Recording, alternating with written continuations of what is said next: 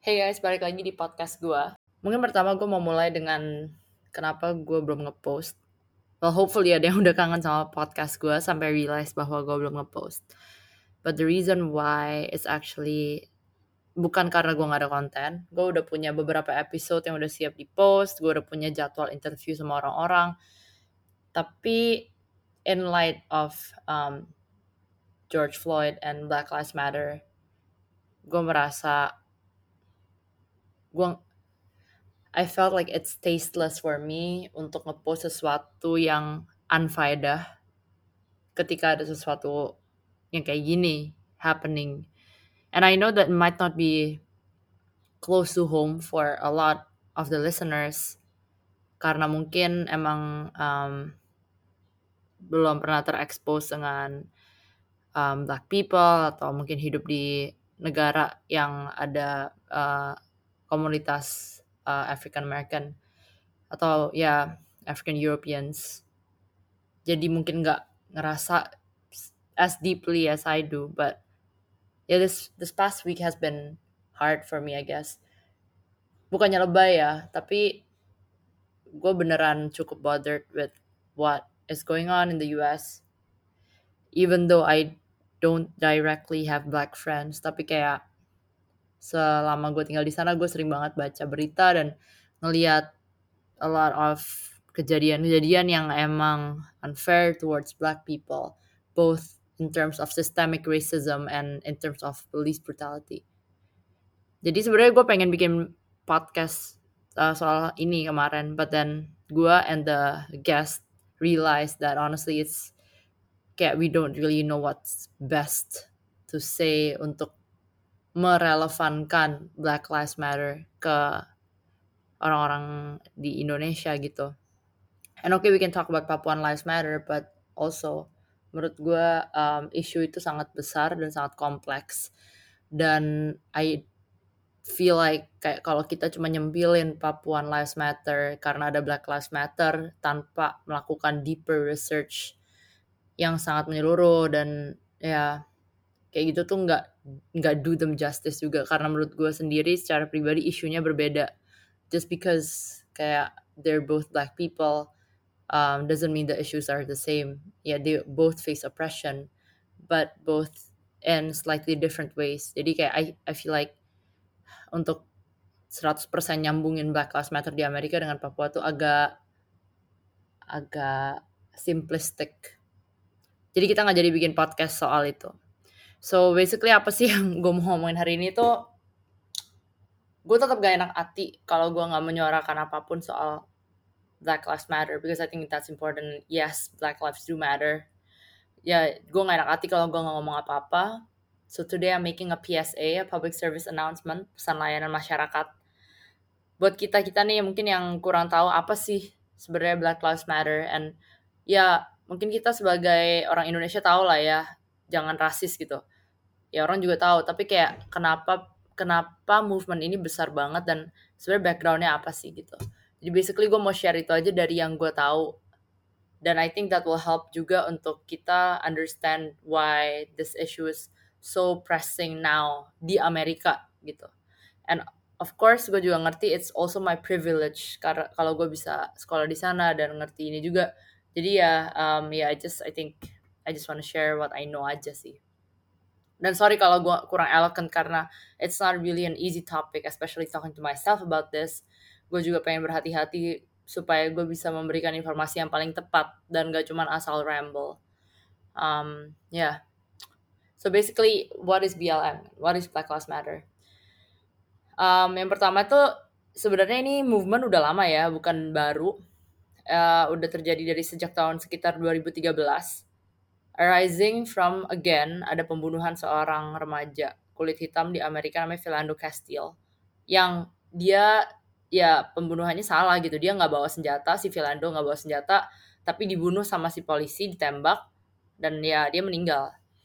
Itu yang pertama spark Black Lives Matter. Kenapa? Karena historically memang di Amerika Serikat pembunuhan terhadap um, orang berkulit hitam itu disproportionate. Oke okay. apa maksudnya disproportionate jadi uh, gue memang research untuk siapin ini dan kita ambil data dari tahun 2019 aja ya. Di tahun 2019, um, dari semua data orang kulit hitam yang terbunuh sama polisi di Amerika, um, orang kulit hitam, Black Americans, were more than two and a half times more likely to be killed by the police than white Americans. Jadi um, chances lo ditembak polisi uh, itu lebih itu dua setengah kali lebih tinggi kalau lo berkulit hitam daripada lo berkulit putih on average di Amerika. Tapi beda-beda. Kalau di states yang lebih west kayak California, Washington gitu itu lebih apa? disproportionality-nya lebih kecil, lebih ya, lebih kecil. Uh, sementara kalau di states yang di east, disproportionality-nya lebih besar. Dan kenapa gue bilang kayak statistik ini penting adalah karena ini menunjukkan bahwa memang ada systemic bias against black Americans by the police.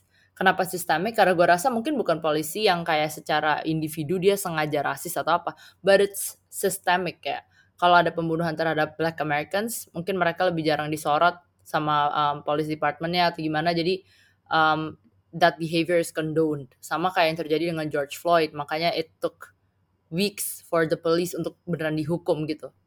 Nah, oke, okay, kembali lagi ke uh, statistik ini. Kenapa uh, gue bilang disproportionate? Karena Black Americans itu sebenarnya cuma 14% dari seluruh populasi di Amerika Serikat. Terus mungkin lo bilang, iya cuma 14% dari seluruh apa orang di Amerika, tapi bisa jadi mereka memang responsible for more crimes, makanya mereka lebih sering ditembak sama polisi, biarpun ditembaknya salah juga gitu kan. Gue sampai research sih data FBI dan ternyata dari semua jumlah crime di Amerika di tahun uh, eh, 2016 ya ini, tapi gue gak ada data 2019-nya uh, di tahun 2016 jumlah crime yang dilakuin sama Black Americans itu cuma 26,9% dari semua crime yang ada di Amerika. Dan maksud gue kayak man kalau yang ngelakuin crime dan crime-nya ini termasuk murder gitu-gitu ya. Kalau yang ngelakuin crime lebih banyak orang putih harusnya kalau memang fair, jumlah violence yang dilakukan ke orang kulit putih dan kulit hitam at least sama dong. Tapi enggak, um, ya itu dia. Orang kulit hitam tuh cuma ngelakuin less than 30% of all crimes dan cuma make up 14% dari seluruh Amerika, tapi mereka dua setengah times more likely to be shot and killed by the police. So yeah, I think that speaks something lah menurut gue. Dan kayak lebih sedihnya lagi kalau di Minneapolis tempat George Floyd terbunuh, level of disproportionality-nya itu tujuh kali lipat gitu loh. Kayak lo tujuh kali lipat more likely to be killed by the police di Minneapolis, di Minnesota. Kalau lo orang hitam daripada kalau lo berkulit putih gitu. Dan ini ada banyak researchnya guys. Kalau misalnya mau cari, ada di Statista, ada di data FBI, ada di others, I think New York Times gitu-gitu. Bahkan per state gitu ya. Kalau lo lihat jumlah per percentage of black people in that state versus jumlah black people, the percentage wise of black people yang dibunuh sama polisi di state itu. Jauh banget main bedanya. Kayak gue ngerti lah mungkin ya itu dia balik lagi argumen tuh oh mungkin emang orang kulit hitam orang hitam di Amerika kan kriminal gitu-gitu tapi datanya nggak menunjukkan demikian sih at least on par ya sama yang orang kulit putih untuk dalam hal crime even eh coba kita lihat. Untuk robbery robbery ya pencurian. Lebih banyak secara proporsi itu uh, memang orang kulit hitam. Tapi nggak jauh bedanya guys. Kalau emang nggak jauh bedanya kenapa kenapa maksud gue kayak kenapa yang dibunuh tuh sampai dua setengah kali lipat? Karena kalau gue lihat data robbery itu nggak sampai dua kali lipat. Yang apa lebih banyak yang Black Americans melakukan robbery Cuman beda tipis gitu loh. Ya gitu sih. So like I think uh, gue bukan researcher, gue cuma lihat ini singkat, tapi kayak it's worth to check kalau lo emang penasaran uh, why this is going on and let me know if I did something wrong in my calculations or whatnot ya. Yeah. So that's one, police brutality. Um, memang prevalent di Amerika dan memang biased against um, Black Americans. Dan udah banyak high profile murdersnya se apa sebelum George Floyd. Cuman kali ini yang memang paling parah karena menurut gue ada videonya dan media juga ini banget. Tapi sebenarnya sebelumnya banyak banget orang-orang yang kasusnya nggak diusut. Oh another thing. Uh, mungkin lo nanya juga oh tapi kan siapa tahu polisi nembak orang berkulit hitam karena mereka suka bawa-bawa senjata. Oh salah ternyata tidak. Ternyata um, black people are one and a half times less likely untuk membawa senjata um, ketika ditangkap sama polisi.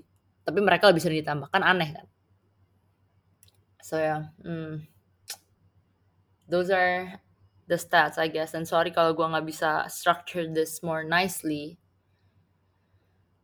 It's yeah, makes me sad sih. Okay, that's an understatement. Yeah it's it's unfair. Tapi menurut gue kayak you have to research on your own. Um, gue cuma bisa kasih snippet-snippet sedikit. Hal kedua yang pengen gue sampaikan adalah um, why not all lives matter? Dan menurut gue ini sesuatu yang mungkin lo nggak tahu kalau lo nggak exposed to US media to US politics karena logically ya kalimat all lives matter sendiri nggak salah kan. Kayak apa apa apa masalahnya dengan mengatakan semua ras itu penting atau semua ras itu harus peduliin. Tapi dalam konteks protes dan kampanye Black Lives Matter ini jadi isu. Karena kalimat itu bukan lagi hanya kalimat, melainkan kalimat itu udah menjadi senjata politik kalau di Amerika kaum konservatif yang anti gerakan Black Lives Matter memakai kalimat itu untuk menjatuhkan Black Lives Matter atau untuk mengetek lah, mengetek campaign Black Lives Matter. Jadi kalau lo ngomong uh, All Lives Matter, out of context emang nggak apa-apa, tapi kayak in the context of Black Lives Matter, um, that's actually quite political. Uh, in a way yang memang anti para protester gitu. Dan gue mau kasih logic kenapa gue berpikir bahwa you cannot have all lives matter before black lives matter gitu. Karena black lives is a part of all lives in America at least. Jadi ketika orang kulit hitam itu disproportionately apa ya ditreat secara unfair, ya you cannot say that all lives matter gitu kan. Kalau lo dengan sistemik meninggalkan satu uh, racial group gitu. And then also kenapa juga menurut gue mengatakan all lives matter itu politically incorrect, at least from my own lens di uh, dalam konteks Black Lives Matter adalah misalnya gini nih, gue mau punya perbandingan dan gue lihat ini di Instagram, but gue nggak tahu gue harus um, give credit ke siapa. Kalau ada kampanye breast cancer gitu, nggak ada kan orang yang kayak tiba-tiba kayak tapi kanker apa misalnya kanker gue juga penting gitu. Kayak kanker gue juga apa matter. Nggak ada kan orang yang kayak shut up lu breast cancer breast cancer awareness. Um, cancernya apa ya misalnya kan, kanker prostat kan juga penting. Kenapa lu promosi breast cancer? Nggak ada yang ngomong gitu. Atau misalnya waktu um, Las Vegas shooting ya waktu itu. Nggak ada yang bilang kayak New York juga penting Seattle juga penting, LA juga penting, kenapa cuma disorot Vegas gitu? Gak ada yang ngomong kayak gitu. Karena orang tahu, ya emang masalahnya lagi ada di Vegas gitu. Biarpun di semua kota juga banyak ke kejadian syuting, apalagi di Amerika gitu. Tapi kenapa kalau Black Lives Matter orang komplain? Kenapa mereka bilang ras gue juga juga punya masalah? Kenapa lu cuma fokus satu ras? Kenapa orang bilang kayak gitu? Ya, cause I think it's a political ini sih. It's it's a political weapon untuk mematikan protes karena memang dipakai sama uh, the the apa the more conservative wing kalau di sana. Jadi I think sebagai orang Indonesia mungkin dampaknya nggak terlalu ini ya kayak mengatakan all lives matter lah, black lives matter. But I feel like if you're gonna say something, at least uh, educate yourself about it so that you don't perpetuate misinformation, bias atau racism apalagi. Ketika lo ngomong ke keluarga lo, ke teman-teman lo atau even di social media. Karena mungkin memang lo tinggal di sini tapi ya ya mungkin someday ada orang yang ngelihat story lu share jadi kayak nge-share atau apa dan itu akan sampai somehow ke you know people affected by this. And you don't want to be a perpetuator of racism. So yeah. Let's not let's not take the spotlight off them aja so gitu aja sih sebenarnya sorry kalau jadi panjang and I hope you learn something from this honestly um, ya yeah, gue lebih ke ranting aja sih sekarang karena gue sedih But hopefully after this gue bisa ngepost lagi tentang hal-hal yang maybe lebih berkaitan sama maybe politics or whatnot. Not necessarily tentang ini lagi, tapi ya yeah, more eye-opening discussions aja supaya kita lebih banyak mikir. Thank you.